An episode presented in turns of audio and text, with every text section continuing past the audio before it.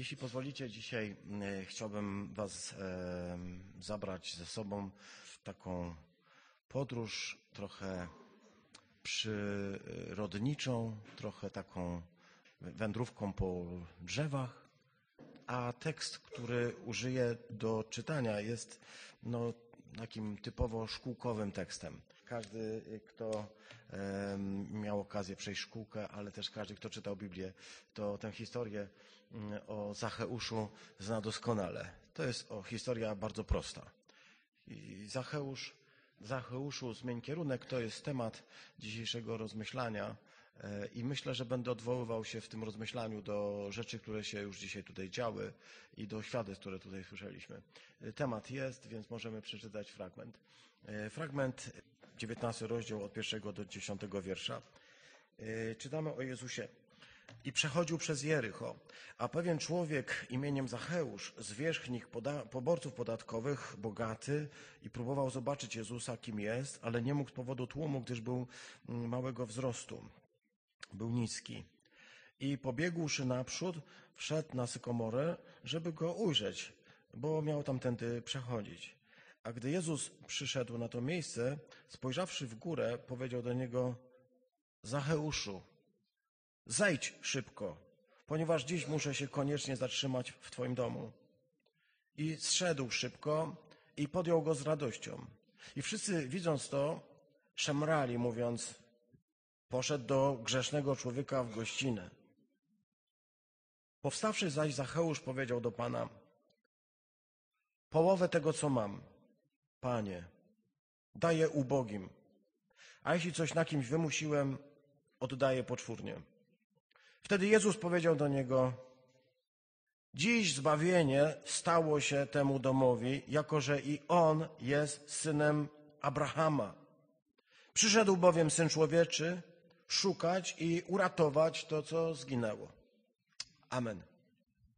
Dziękujemy Ci, synu człowieczy, za to, że przyszedłeś szukać tego, co zginęło. I to, co zginęło, pozbierać w jednym swoim świętym kościele. Przyszliśmy tutaj słuchać się w Twoje słowo, dlatego prosimy, mów dzisiaj do nas, przemawiaj, przełamuj i spraw, Panie, abyśmy usłyszeli, co dzisiaj Duch mówi do Kościoła. W imię Chrystusa Jezusa, Ojcze, wysłuchaj nas. Amen. E, Ta historia jest tak prosta, e, że wręcz bym powiedział, no właściwie m, mówienie na jej temat to chyba wykręcanie, bo cóż można powiedzieć w sytuacji, kiedy czytamy e, e, o historii człowieka, który postanowił zobaczyć Jezusa i którego Jezus po prostu przyszedł i, i u, u, zbawił i powiedział, zbawiony jesteś, hurra, a on powiedział, fajnie, cieszę się, no to ja połowę majątku oddam ludziom. Yy, Wiecie, yy, sztuką kaznodziejską jest to, żeby proste teksty robić skomplikowanymi i, i to jest niestety fatalna strona kaznodziejstwa. Yy, Ja bym yy, zaczął w ten sposób, że jest to taki mały dowód na, to tak do, do, do Przemka powiem, reszta niech nie słucha, dobra, bo on powiedział mi Ecclesia semper yy, remontowana, to ja powiem Przemku, jest to taki mały dowód na istnienie ewolucji, ponieważ to jest historia o tym, jak człowiek zszedł z drzewa. Y, jakby ktoś potrzebował biblijnego dowodu na ewolucję, to, to myślę, że ten tekst mówi o tym, y, w jaki sposób człowiek zszedł z drzewa. Y, Tutaj ważny jest kontekst, ponieważ my mamy zwyczaj czytania fragmentów Biblii, e, co powoduje, że nieraz nie, nie łapiemy. Mamy tylko po prostu takie powycinane nożyczkami obrazki, e, powycinane nożyczkami teksty i ten tekst jest jakby wycięty, jakby on nie był w jakimś takim, wiesz, szerszym kontekście. A tymczasem jest, ponieważ e, 18 rozdział e, kończy się historią, gdy Jezus e, e, spotyka człowieka e, w, w Jericho, e, a właściwie zanim wejdzie do Jericho, spotyka człowieka o wdzięcznym imieniu Bartymeusz. Pamiętacie uzdrowionego pod Jerychem człowieka, który był ślepy i który usłyszał o tym, usłyszał o tym, że Jezus miał przechodzić i z tego usłyszenia zrodziła się mu taka, takie głębokie pragnienie, by go zobaczyć. Ale nie mógł, bo No, no, no, no właśnie, nie widział. Dlatego krzyczał, synu Dawida, ulituj się nade mną. Pamiętacie, jak wtedy zareagował Kościół, czyli apostołowie? Weź się, ucisz człowieku, się drzesz. E, my tu idziemy, Chrystus, tutaj jest piękne nabożeństwo, a ten nam przeszkadza. Nie lubimy ludzi, którzy przeszkadzają. Ten człowiek ewidentnie przeszkadzał apostołom w dobrym samopoczuciu i, i mi się zawsze wydaje, że w ten sposób możemy rozpoznać Kościół, bo on się nie zmienia. Ludzie mają ciągle te same e, chęci uzyskania czegoś, co jest czymś innym niż pokojem, czegoś, co nazywamy świętym spokojem. To nie jest to samo. Mieć pokój, a mieć święty spokój to nie jest to samo. Wiecie o tym. Kościół y, chce mieć święty spokój, a Chrystus chce mu dać pokój, który jest na dodatek bardzo, bardzo ryzykowny.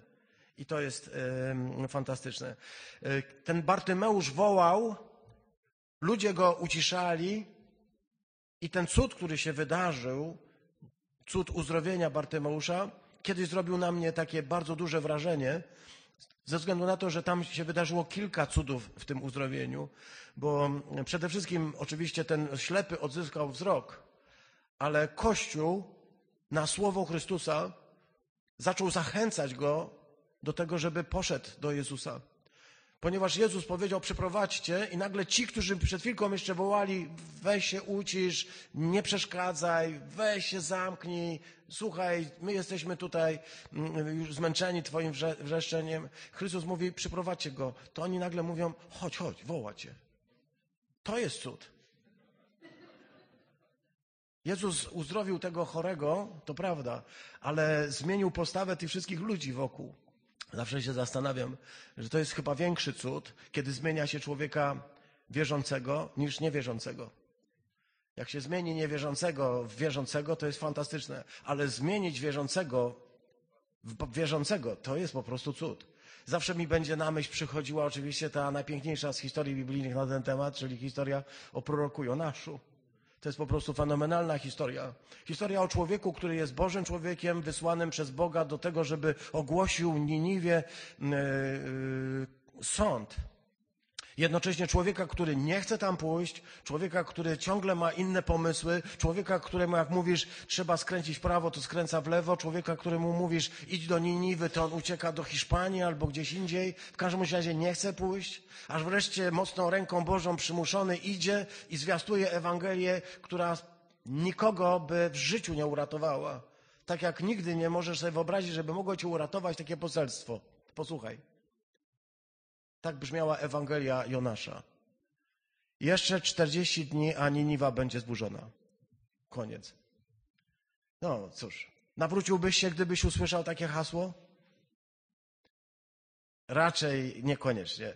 W każdym bądź razie Niniwa się nawróciła. A prorok był tym, tym, że się nawróciła Niniwa, był absolutnie wstrząśnięty. I absolutnie zmieszany. Wstrząśnięty i zmieszany, ponieważ nawet tam czytamy, obraził się na Pana Boga i to tak mówi, na śmierć się obraził. Ponieważ mówi, ja wiedziałem, że ja nie chciałem pójść, bo ja Cię znam i wiem, że jesteś gotów wybaczyć nawet Niniwie, która nas skrzywdziła, nas, nas Żydów. Nas, nas, Izraelitów, skrzywdziła. Im się należy najgorszy krąg w piekle, a ty się nad nimi zmiłujesz. Kiedy to czytam, myślę sobie, łatwiej nawrócić 100 tysięcy ludzi w Niniwie niż jednego proroka. Bóg ciągle do niego mówi: Jonaszku, uspokój się. Ja nie chcę śmierci tych ludzi. Ty ciągle jeszcze nie rozumiesz, kim jestem. Kiedy patrzę na to, jak Bóg zmienia e, ludzi wierzących, wysłuchaliśmy dzisiaj świetnych świadectw, wszystkich, Andrzeja i Oli i Emilii, świetnych świadectw, ale widzimy, jak bardzo y, trudną rzeczą jest zmieniać wierzących. Jak bardzo jesteśmy ludźmi, którzy wymagają zmiany i jak bardzo boimy się tych zmian. I jednocześnie, jak trudno nam je y, przyjąć, jak trudno przychodzi. Myślimy o sobie, że jesteśmy ludzi, ludźmi, którzy się nawrócili, a więc zmienili, a więc już jest z nami w porządku, a Bóg mówi tak jak do Jonasza. Jonaszku, ja mam jeszcze dużo do zrobienia z Tobą. Więcej z Tobą niż z nimi. Czy możesz przyjąć taką Ewangelię dzisiaj? Że Bóg ma do zrobienia znacznie więcej z Tobą niż z kimkolwiek innym i znacznie więcej chce jeszcze zrobić niż zrobił. To, co zrobił, jest naprawdę cudowne i absolutnie jesteśmy tym zachwyceni. Tym, co Bóg zrobił każdemu z nas. Ale chcę Ci powiedzieć dzisiaj, że Ewangelia mówi, że to dopiero początek. Zmiany to dopiero się zaczną. I nie jesteśmy z tego powodu szczęśliwi, bo my lubimy jednak święty spokój. A więc już się nawróciłem, jakoś muszę dotrwać tylko do nieba. A Bóg mówi, teraz się zacznie. Y, jesteś gotowy? Zapinamy pasy. Jedziemy. A więc e, tak, to jest podróż. E, to nie jest e, tylko mapa Jericha, bo to się wydarzyło pod Jerychem. To jest historia Jezusa, który wędruje. Jezus idzie tam daleko ze swojej Galilei, z tych wiosek, wioseczek i Łukasz opowiada właściwie od dziewiątego rozdziału, opowiada o tym, że całe życie, to całe, całe jego nauczanie wiodło właśnie z tej Galilei do Jerozolimy. Co się wydarzy w tej Jerozolimie, gdy tam dojdzie? Znasz 19 rozdział Ewangelii Łukasza, ponieważ czytasz Biblię, ale przed chwilką przeczytaliśmy fragment, przeczytaliśmy początek tej Ewangelii. Kojarzysz? 19 rozdział od pierwszego wiersza. A wiesz, jak się kończy 19 rozdział? Kończy się wjazdem Jezusa do Jerozolimy, tak zwaną niedzielą palmową, jak ją nazywamy. A wiesz, co się wydarzyło zanim wjechał?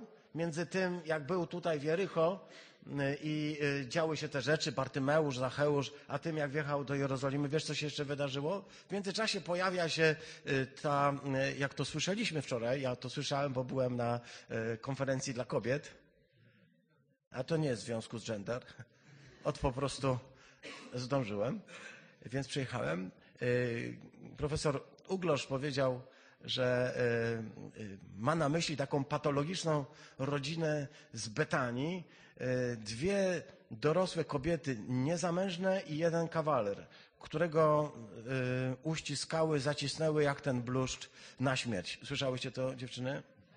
Chora miłość e, rodzeństwa, chora miłość kobiet. Wy miałyście na ten temat wczoraj, ja nie będę o tym mówił. W każdym bądź razie to jest coś takiego, co na pewno budzi wyobraźnię. To Zanim dojdzie do tego wydarzenia w, Jero, w Jerozolimie, kiedy wejdzie do, yy, w bramy Jerozolimy, w tę piękną niedzielę palmową, jak my ją chrześcijanie nazywamy, to wcześniej jeszcze wskrzesi z martwych Łazarza. Będzie ten Jericho właśnie czekał na wieść, aż te dwie dziewczyny, Maria i Marta, wypłaczą się z powodu śmierci brata, pożegnają go i będzie mógł wreszcie, jak to powiedział Uglosz wczoraj, wreszcie będzie chłop mógł żyć. Ale to y, Uglosz, więc y, dziękuję bardzo księdzu profesorowi za y, takie wskazanie. Nigdy na tę historię tak nie patrzyłem. Ktoś mnie zapytał, czy to nie zaskakujące, powiem bardzo. Bardzo się cieszę. Y, ta historia więc, y, którą dzisiaj czytamy, jest historią, która dzieje się, ten Zacheusz, pomiędzy różnymi historiami, które y, przed chwilką czytaliśmy sobie. W związku z tym musimy o tym pamiętać, bo to jest ta historia, którą czytamy dzisiaj, to jest tak naprawdę, o, to jest jeszcze Jericho, to jest wędrówka do Jerozolimy. Po co to robię, nie wiem, ale spędziłem na tym dużo czasu, a teraz tylko po prostu wam pokazałem i jedziemy dalej. To jest historia która wydarzyła się naprawdę fenomenalna. Właściwie to jest kluczowy epizod, pozwalający w ogóle uchwycić e, sam sens Ewangelii. Jest to jakby Ewangelia w Ewangelii, to co tutaj czytasz. Czy to prawda? W tej historii pojawia się bardzo dużo y, pojęć, zwrotów, tematów i jakbyś jak, jak usłyszysz je, to zobaczysz, że pod każdym z tych pojęć, pod każdym tych zwrotów będzie się kryła jakaś y, głębsza myśl. Jezus przechodzi. Tak, jest, tak się zaczyna. Jezus przechodzi przez y, Jericho. Gdy Jezus przechodzi przez coś, to to już ma pewną wartość. Y, pojawia się przełożony poborców podatkowych, czyli celnik, albo supercelnik, albo archicelnik. Postać, która jest synonimem wszystkich celników, e, czyli poborców, złoczyńców, ludzi najgorszego autoramentu. Jeśli celnik w Biblii jest przedstawiony jako zdzierca i jako ktoś, kto jest absolutnie na usługach starożytnego Rzymu, to ten celnik, Zacheusz, jest jak Krzysztof Jarzyna ze Szczecina. Szef wszystkich szefów. Pozdrawiamy Szczecin. Krzysztof Jarzyna ze Szczecina. To jest archicelnik. W tym sensie absolutnie przełożony wszystkich e, poborców podatkowych. E, tam pojawiają się także takie zwroty jak śpieszyć się, to jest ważne. Y, w Ewangeliach Jezus jest zawsze taką, osobą, która jest w drodze. To też słyszeliśmy wczoraj, tak? Chrześcijaństwo, Kościół, e, y, moje chrześcijaństwo, Twoje, to nie jest chrześcijaństwo, w którym, które jest stateczne, tak? Przyszedłem do Kościoła, jestem, przyszedłem z Bogiem, żyję. Nie, on jest ciągle w drodze. Ja ciągle muszę za nim iść. Ta historia, którąbyśmy ją śledzili dalej, pokazałaby Jezusa jako takiego mm, rzeczywiście e, ustawicznego w biegu. E, myślę, że tylko Andrzej by za nim nadążył bo mm, reszta by złapała zadyszkę bardzo szybko, bo czytamy, że oni byli nawet przerażeni tempem, w jakim on szedł. Oni byli przerażeni, zdziwieni. Chrystus robi pewne rzeczy w takim tempie, że jesteś zaskoczony. Może jesteś właśnie w tym momencie, kiedy bardzo dużo rzeczy w Twoim życiu się zmienia ten tempo zmian, zakres zmian może być zadziwiający, może być wstrząsający, ale chcę Ci powiedzieć, jak wyszedłeś za Jezusem, to nie poszedłeś za ślimakiem ani za żółwiem. Poszedłeś za kimś, kto ma absolutny dynamit. Chrystus jest pełnym mocy i za nim trudno nadążyć. Ja chcę powiedzieć, że Kościół bardzo często za nim nie nadąża. Kościół bardzo często spowalnia, Kościół bardzo często się zatrzymuje, Kościół lubi zostać w przeszłości. O tym też mówił wczoraj prelegent. Kościół lubi zostać w swoich przeszłościach, w swoich wspomnieniach, w swoim poprzednim życiu, mówić jak powinno być i ciągle myśleć, że u nas kiedyś zawsze tak było i dlatego tak musi zostać. Może takie wyglądało Twoje chrześcijaństwo, że po prostu Zawsze tak było, tata tak wierzył, babcia tak wierzyła, jeszcze inni tak wierzyli, jacyś inni ludzie. U nas zawsze tak było i tak musi pozostać. Chcę powiedzieć, jak wyruszyłeś za Jezusem, to właśnie to jest ostatnia rzecz, jaka ci się przytrafi, żeby pozostać przy wspomnieniach i w swoim pięknym, y, ładnym chrześcijaństwie. To będzie zawsze dynamiczne, to będzie zawsze wymagało, wymagało zmian. I to jest już coś, co nas zaskakuje. Bo chrześcijaństwo nie jest dla ludzi, którzy chcą mieć święty spokój. Śpieszyć się, ale słowo dziś, które tam się pojawia, dziś. Dziś chcę zamieszkać w Twoim, chcę, chcę zamieszkać w Twoim domu. Albo słowo dei, czyli słowo muszę. Jezus mówi, ja muszę zamieszkać u Ciebie. Co znaczy muszę? Słowo gościnność, y, termin wejść, wyjść, albo mały człowiek, bardzo ciekawy termin, albo bardzo bogaty, wreszcie grzesznik, szemrać, cieszyć się, zatrzymać, szukać, zgubić, znaleźć. To są słowa, które wziąłem z tego, e, e, co tutaj czytamy. Widzicie, ile jest tutaj słów, pod którymi e, widzimy od razu niesamowitą głębię, tak? Bo ktoś powiedział, jest to właściwie Ewangelia Ewangelii. Najważniejsze słowo zbawić, które się tutaj pojawi, czyli uratować. Wszystko wzięło się, cała ta historia wzięła się dlatego, że w sercu tego małego człowieka pojawiło się coś, o czym czytamy w Psalmie 132.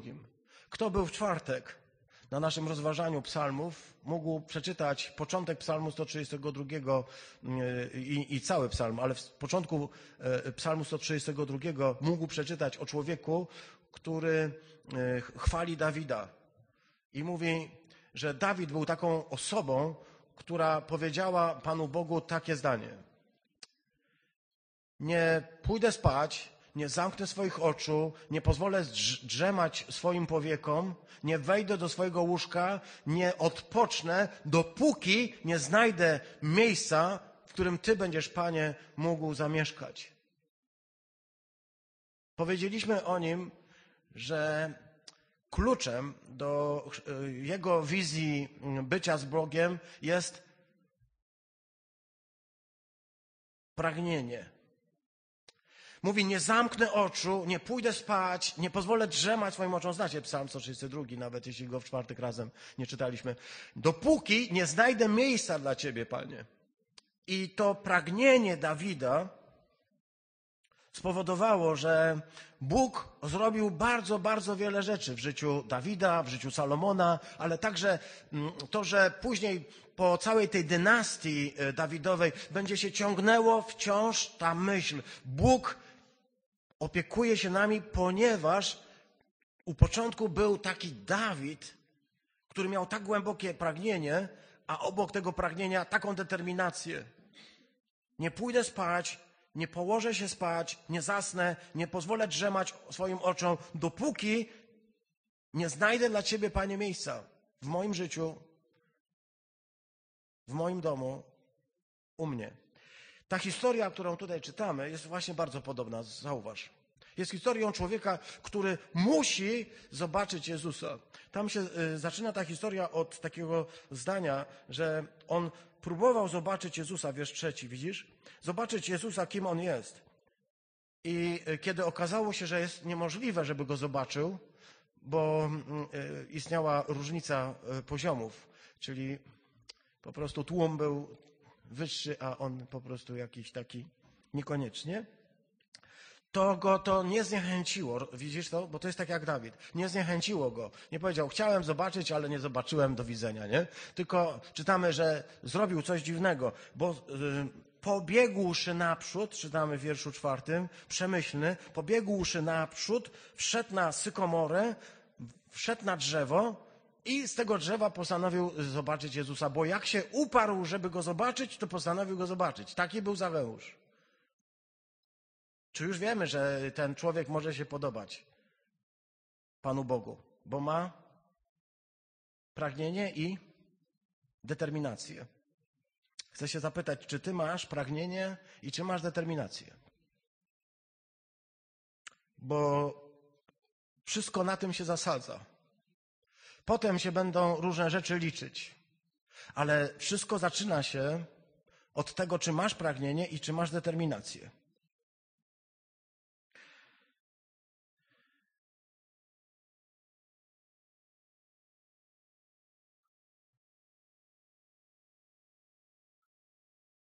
Czytaliśmy na pewno w Biblii wielokrotnie taką historię o pewnym młodzieńcu, który przybiegł do Jezusa. Pamiętasz? Był bardzo bogaty i przybiegł do Jezusa, tak dynamicznie jest ten e, opis tutaj przedstawiony. Przybiegł do Jezusa, może padł do jego stóp i powiedział: Mistrzu, co mam robić, żebym osiągnął zbawienie? I mistrz mu powiedział: Przestrzegaj przykazań. On mówi: Robię to, mistrzu. Chcę dokończyć coś, czego on nie powiedział. Robię to, ale nie czuję, że dzięki temu żyję. Wypełniam przepisy i nie czuję, że żyję. Raczej wypełniam te przepisy i czuję się nimi obciążony. Wypełniam je od dziecka i to mi nie pomaga. Pamiętacie, co powiedział Jezus? Zrób to. Sprzedaj, co masz, rozdaj ubogim, rzuć to wszystko i pójdź za mną. I wtedy zobaczysz, co to jest być naprawdę szczęśliwym człowiekiem. I czytamy, że on sprzedał wszystko, rozdał Bogiem i poszedł za Jezusem i był najlepszym jego uczniem. Dziękuję. Chciałem sprawdzić, czy śpicie. Czytamy, że odszedł zasmucony, ponieważ był bardzo bogaty.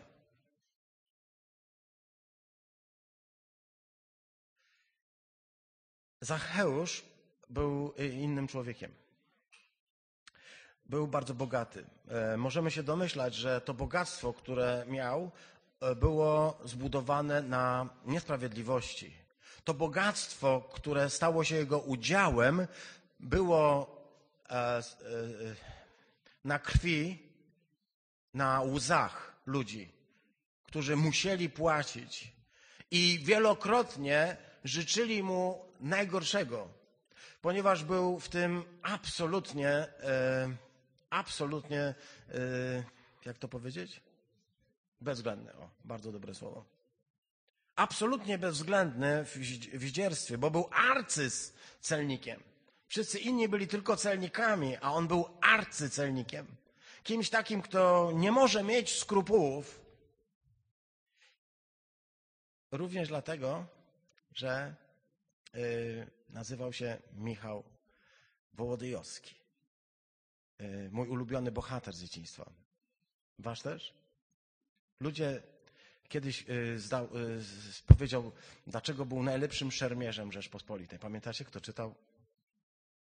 Bo był mały. I mu ojciec powiedział, że jesteś mały. Więc albo się ludzie będą z ciebie śmiali, albo będą się ciebie bali. Albo będą się z ciebie śmiali, że jesteś mały, albo będą się ciebie bali. Dochodzimy do miejsca, w którym należałoby powiedzieć kilka zdań na temat, na który się zna e, kilka osób tutaj, e, a ja nie. E, myślę tu o Paulince, o Bożence i jeszcze kilku innych osobach.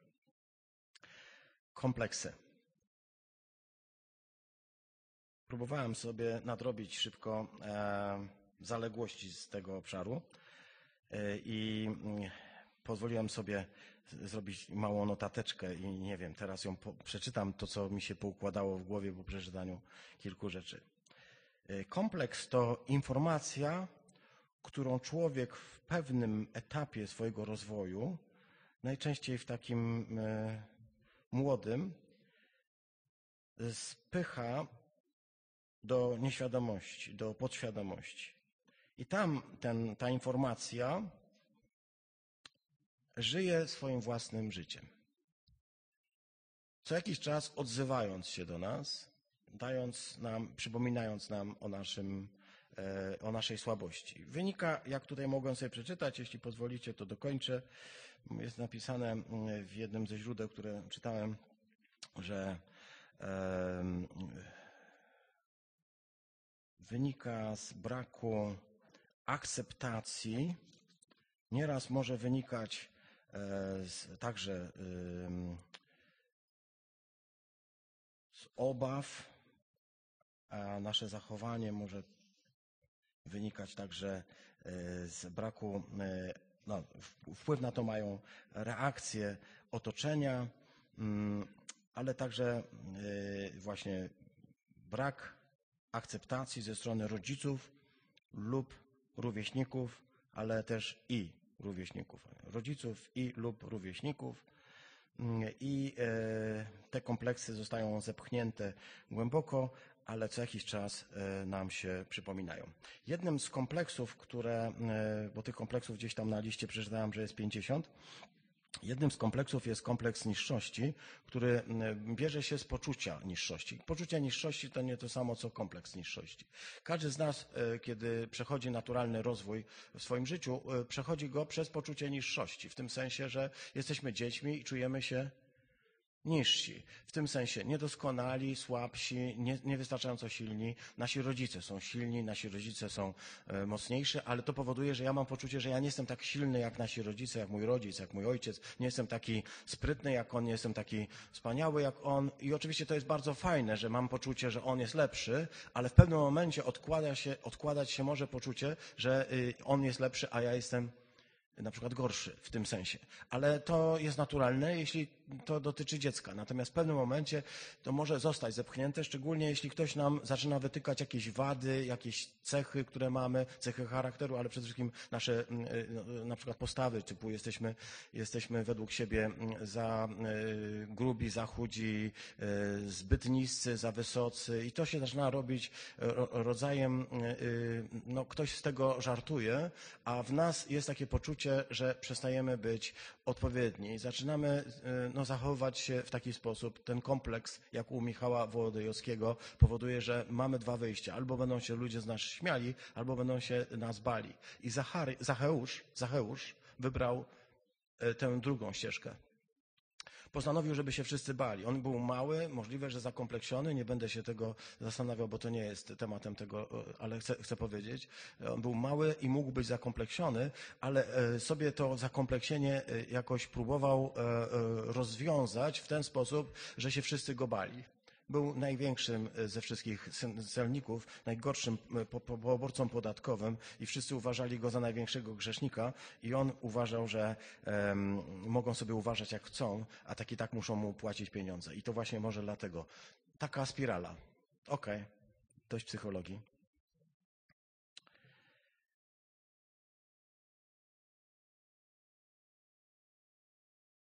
Pewien człowiek wszedł na drzewo. Był mały i bogaty. Miał dwie cechy, które go wykluczały y, z poziomu Starego i Nowego Testamentu. Y, y, był celnikiem, czyli poborcą podatkowym, który zdziera pieniądze i z tego powodu rabini, faryzeusze i wszyscy czytający Stary Testament powiedzieli, celnik jest najgorszym sortem, e, najgorszym typem człowieka. Tak? Wszyscy pobożni ludzie odwracali się od niego plecami, bo celnik to synonim kolaboranta i kogoś, kto jest absolutnie nie do zaakceptowania, bo, bo kolaboruje i jeszcze zdziera pieniądze. Natomiast z punktu widzenia Nowego Testamentu on ma jeszcze i gorszą wadę, ponieważ jest bogaty. A który bogaty może być zbawiony? Ma dwie rzeczy, które go wykluczają.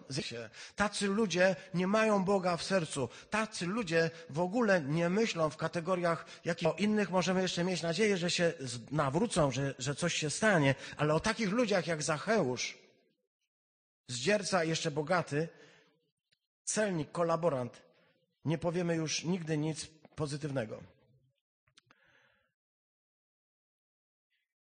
Tymczasem Chrystus przyszedł, by dotrzeć do takich ludzi, by może tak za świętym Pawłem powiem.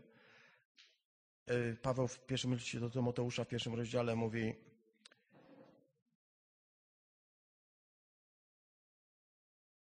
Jezus Chrystus przyszedł, by zbawić grzeszników, z których ja jestem największy. Chrystus przyszedł zbawić grzeszników. Bez względu na to, czy jesteś celnikiem, poborcą podatkowym, czy pobożnym faryzeuszem, Chrystus przyszedł zbawić grzeszników. Podoba mi się w tej historii podkreślenie, że on był mały, również dlatego, że e, zobacz, żeby móc zobaczyć Jezusa, to każdy z nas jest za mały. Tak? Żeby móc spotkać się z Chrystusem, naprawdę każdy z nas jest za mały. On jest za mały, żeby zobaczyć Jezusa. Próbuje y, zrobić to na własny rachunek. Wychodzi to bardzo śmiesznie. Facet ubrany, rozumiesz, y, w jakieś szaty, y, z jakimiś sygnetami, łańcuchami, czymkolwiek, co miało podkreślić jego pozycję, biega po sykomorze. Sykomora. Doszliśmy do tego drzewa. Bardzo ładne drzewko. Co to jest sykomora? Jedno zdanie. To figowiec. E, były dwa, dwa rodzaje figowca. Jeden fig, figa e, pospolita, to ta, którą możemy kupić owoce w sklepie, bardzo dobre i bardzo pożywne i bardzo zdrowe. E, wszystkich zachęcam. Sykomora ma takie same owoce, to znaczy ma też, bo to jest figowiec, ma więc też owoce, ale te owoce są małe i bardzo twarde i, mało, tak bym powiedział, zjadliwe. Chyba, że ktoś będzie nacinał tę sykomorę. Znaczy każdy owoc, trzeba wejść na drzewo, każdy owoc naciąć. Wtedy w ciągu trzech dni taki owoc może rosnąć do, może ob, jego objętość wzrastać o 10 razy. Więc jeśli e, podejmiemy taki trud, żeby takie właśnie e, każdy, każdy owoc, każdy owoc ponacinać, to e, dostaje on jakiś taki, bo to dlatego, że wytłumaczy czemu? Bo e, on po- powinien się rozwijać. Sykomory rozwinęły się tam e, wysoko na Egipcie i, i, i w Ziemi Świętej, ale one przyszły z, e, z kraju, z Afryki tropikalnej i tam były pewne gatunki os które m, przebijały e, te owoce i dzięki nim one rosły. Natomiast te owoce można było przenieść drzewo i ono rosło, jeśli było wystarczająco ciepło, bo to jest drzewo lub, e, ciepłolubne drzewo, ale ten, ty, tych os nie było. Żeby więc te osy były i żeby to drzewo mogło wydawać lepsze owoce, musiał być ktoś, kto będzie po prostu robił to, co osy. Na przykład przebijał to albo nacinał te y, owoce i one wtedy pęczniały i robiły się duże i wystarczająco duże, że można było y, po prostu wziąć je i traktować jak pokarm. Taka sykomora była pokarmem ludzi ubogich. Sykomora była drzewem ludzi ubogich. Miałeś sykomorę, już mogłeś sobie pozwolić na coś, jeśli ją pielęgnowałeś. Jednym z opiekunów sykomor był pierwszy z proroków y, na liście chronologicznej y, z tych, którzy są spisani w Starym Testamencie, mianowicie Amos. Amos był opisany jako mm, y, hodowca sykomor i on właśnie y, siedział i nacinał te sreberka. Y, Tak jak wczoraj, Maciu, jak, jak y, kilka dni temu Marek y, tutaj siedział i zawijał mm, te sre- sreberka. Widziałem to na własne oczy. Kiedy mówimy więc o tym, że sykomora, on wszedł na sykomorę, to tak, sykomora jest takim drze- drzewem, notabene, o, tak przepraszam, jeszcze jedno powiem. W jest sykomora, która ma 2000 lat. To dla tych, którzy ewentualnie wybierają się do Jericho. Y, Możesz tam pójść. Niektórzy mówią, czy to ta sykomora? Hmm, nie wiadomo. Nie, raczej nie, ale y, ma 2000 lat. Y, Sykomora jest drzewem dla biednych. On wszedł również dlatego, żeby było śmieszniej, że sykomora bardzo, ona tak nisko piennie wypuszcza gałęzie. To jest wysokie drzewo, nawet do 15 metrów, ale nisko piennie wypuszcza gałęzie, a więc taki niski człowiek jak Zacheusz mógł się po tym wspinać. Notabene y, sprawdziłeś już pewnie w internecie, co znaczy imię Zacheusz i już wiesz, że to znaczy czysty. Czysty. Ola sprawdziła. E, Znaczy czysty. E, To jest bardzo dziwne imię dla faceta, który jest celnikiem, poborcem podatkowym. Czy on jest czysty?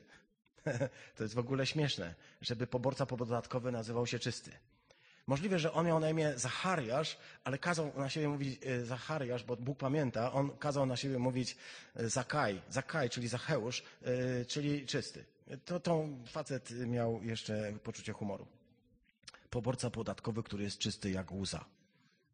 Rozumiesz? Nie, nie chcę robić żadnych aluzji tutaj. Te, co mi przychodzą na myśl, nie nadają się do powtórzenia. Zawsze coś robił, żeby osiągnąć cel. E, Zawsze e, udało mu się e, wejść może po czyichś plecach. No, pamiętacie, traktować ludzi jak drzewa.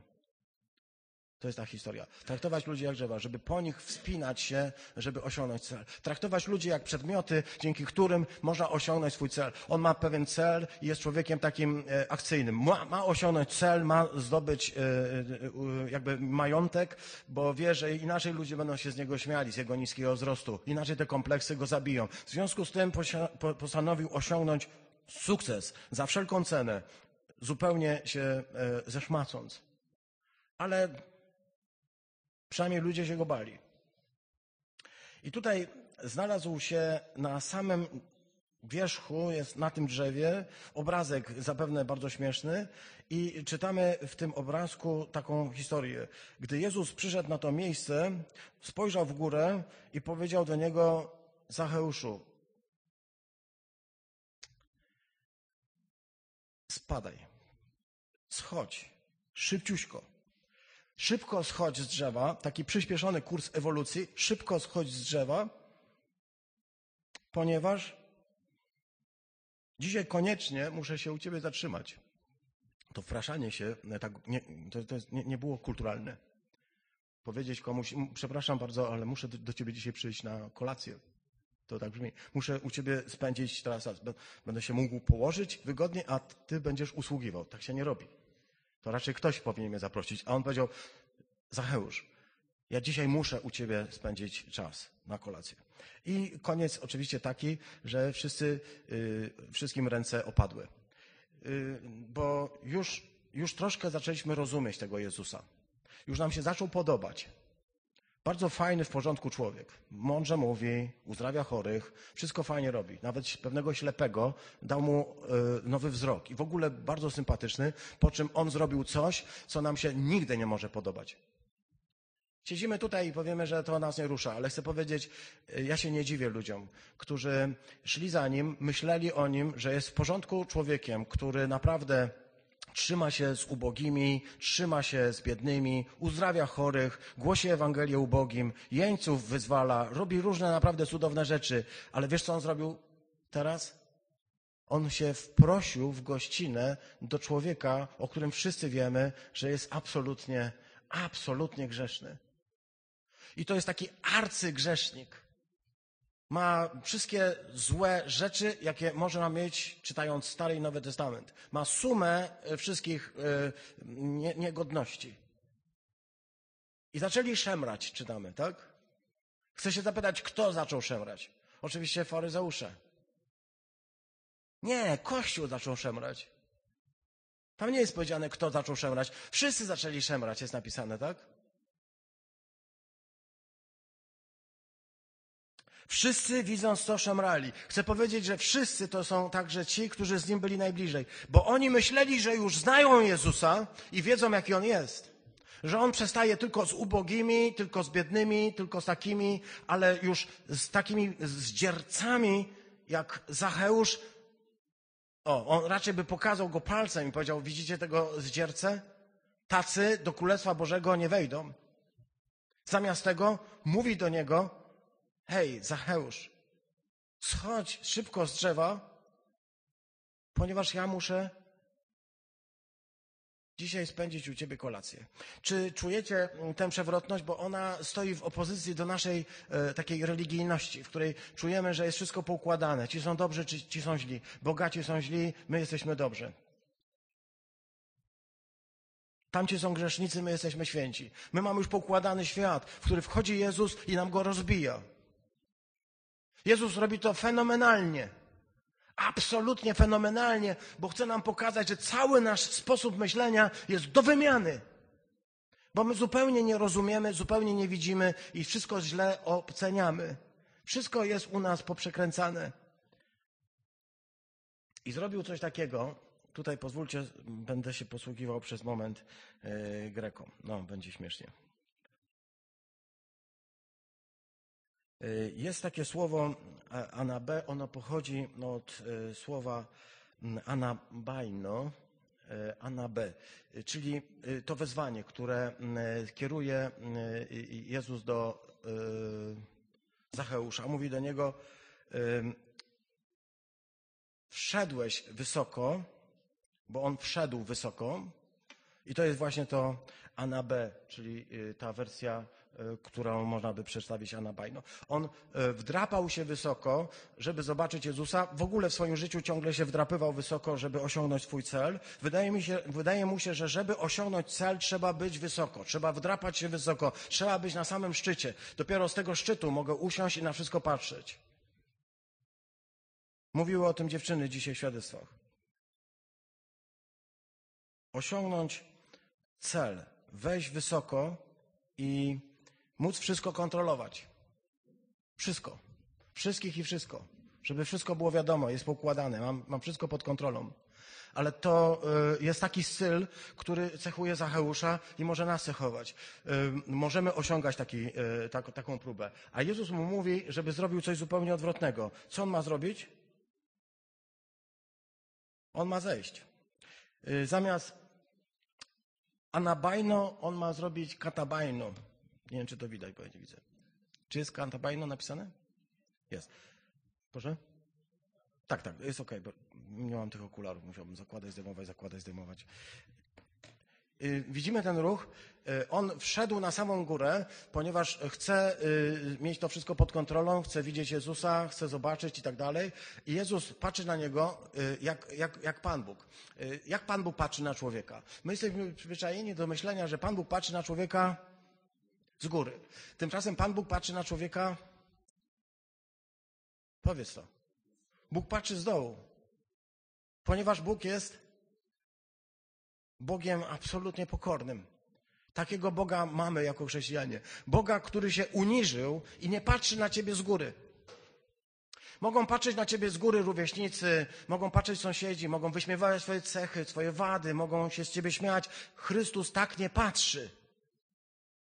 On patrzy na ciebie z dołu. Z tego miejsca, które mm, ty opuściłeś, z tego miejsca głębokiego uniżenia, patrzy na ciebie, który się sztucznie napompowałeś i udajesz wysokiego. Znalazłeś sobie jakiś sposób, w którym chcesz pokazać, że nie jesteś taki mały, że jesteś naprawdę wysoki, jesteś naprawdę wielki. I on mówi do niego, zejdź stamtąd. I mówi do niego, zejdź. To znaczy, zmień kierunek. Przestań się piąć do góry. Przestań wchodzić ciągle wyżej. Nie dorównasz Bogu. Nie osiągniesz, yy, yy, nie spotkasz się z Nim, kiedy będziesz szedł coraz wyżej. Nie osiągniesz szczęścia, nie będziesz zadowolony, nie będziesz mógł być szczęśliwy, jeśli ciągle będziesz się piął ku górze. Zrób coś innego. Zrób coś odwrotnego. Zmień kierunek. Zejdź na dół. Zejdź głębiej. On, mu, on wie, co mówi, bo zszedł z najwyższego tronu, aby zasiąść u podnóżka, żeby stać się sługą Twoim i moim. Nie dlatego, żeby nam tylko coś pokazać, ale dlatego, żeby powiedzieć, jedyne, y, jedyne szczęście, jakie człowiek może osiągnąć, to wtedy właśnie, gdy usługuje, gdy schodzi na dół. Zacheusz zawsze chciał być na wierzchu, zawsze chciał, żeby jego było na wierzchu, zawsze chciał być wysoko, bo uważał, że to jest sposób na to, żeby osiągnąć cel, ale to mu nie dawało szczęścia. Dlaczego nie dawało? Ponieważ jak usłyszał, że Jezus idzie, to on od razu poczuł, że to coś, coś, co może zmienić jego życie. On słyszał o tym, że on przed chwilką uzdrowił Bartymeusza. On słyszał o tym, co Jezus mówił i co robił. Chciał go zobaczyć. Tu jest napisane, chciał go zobaczyć. I ja chcę sobie zadać pytanie, wam, siostry bracia, czy chcesz zobaczyć Jezusa tak jak Zacheusz? Czy naprawdę masz takie pragnienie jak Zacheusz? Po prostu ponad wszystko zobaczyć Jezusa. Ale żeby to zrobić, Jezus mówi do niego, zejdź, zmień kierunek. Ta sykomora, o której powiedzieliśmy, że ona jest takim miejscem, kiedy e, e, rośnie jak, jak nacinasz ten owoc. Powiedzieliśmy, rośnie jak nacinasz owoc, tak? Musisz zrobić w nim dziurę. Mówią niektórzy, że e, najprostszą metodą dbania o owoce sykomory jest wziąć gwóźdź i przebijać te owoce. Wziąć gwóźdź i przebijać. Pomyślałem sobie zaraz, znam kogoś, kto wziął gwóźdź i przebijał, tak? Znam kogoś, kto był dojrzałym owocem dzięki temu. I wiem, że to jest y, niefajne, ale chcę Wam powiedzieć, dojrzewamy wtedy, gdy ktoś nas natnie, gdy ktoś nas przebije, gdy przebije trochę ten balon, to wszystko, co się działo, to wszystko, co myślimy, ta próba kontrolowania wszystkiego, gdy to wszystko przebije, gdy to wszystko zostanie y, y, jakby uwolniony, ten cały y, mój, te całe moje poczucie wielkości, to wtedy mogę stać między braćmi i powiedzieć słowa, które, których nie powiedział ten młodzieniec. Bardzo fajny. Bardzo nam szkoda tego młodzieńca, że odszedł smutny i że nie było go stać na to, żeby pójść za Chrystusem, ponieważ zważył, że jednak majątek jest więcej warty. Powiemy, rozumiem tego młodzieńca. Ten sąd Chrystusa może mi się wydawać nawet zbyt ostry. Nie można zachować majątku i pójść do nieba. Jezus mówi do niego: sprzedaj. Zobacz, nie mówi Zacheuszowi nic, sprzedaj, nic nie mówi. Zacheusz przyjmuje go do swojego życia, tak, do swojego domu, tak to, to rozumiemy.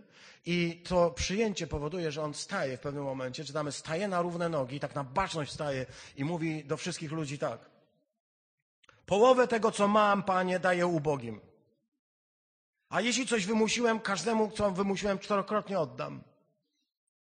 Myślę, że nie starczy mu majątku na to, żeby to wszystko oddać.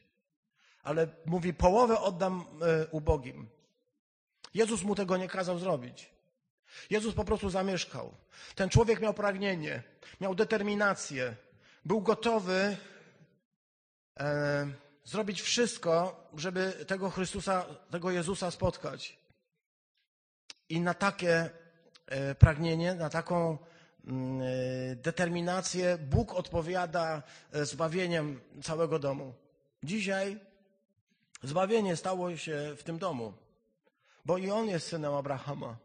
Choć może o tym nie wiedział, a na pewno nikt o tym nie wiedział, a na pewno wszyscy myśleli, że ten facet, nie, ten człowiek nie nadaje się do tego, żeby być dzieckiem Abrahama. Ale oto on jest dzieckiem Abrahama, a zbawienie stało się udziałem jego domu, a ja, mówi Chrystus, przyszedłem po to, żeby szukać i uratować właśnie takich ludzi. I to jest historia o nim. Czy to jest historia o tobie? O człowieku, który jest za mały, zbyt grzeszny, zbyt słaby, niewystarczający. O człowieku, który próbował sobie poradzić y, ze wszystkim na swój sposób. Był sprytny, na tyle mądry i na tyle, y, y, może nieraz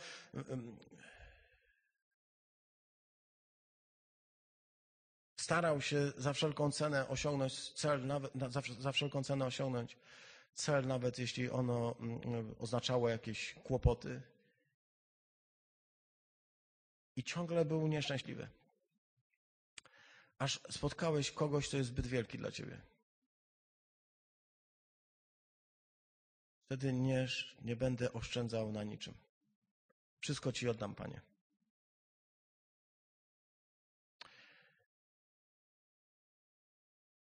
Myśląc o tym, że wszystko ci oddam, muszę być trochę jak Zacheusz. Wszystko to znaczy wszystko. Powiedziałem, nigdy nie będziemy zwiastować pieniędzy, ponieważ zwiastujemy Chrystusa. Ale zwiastujemy Chrystusa, który zmienia serca i powoduje, że rozumiemy, jaką wartość ma Chrystus, a jaką wartość mają ciężko zdobyte pieniądze. Siostry, bracia, dzisiaj Chrystus mówi także do ciebie: zejdź. Zmień kierunek swojego życia, ponieważ ja chcę być w Twoim życiu. Ja chcę być w Twoim domu. I dzisiaj chcę Ci powiedzieć, warto zaryzykować. Zszedłem i zamieszkał w moim życiu. Może nie kontroluję wszystkiego, ale chcę powiedzieć, że zawsze mnie Chrystus zaskakuje. Swoją miłością do ludzi, o których ja już myślałem, że są straceni. Tego mnie uczy. I wierzę, siostry, bracia, że i was. Niech Chrystus będzie uwielbiony w nas. Amen.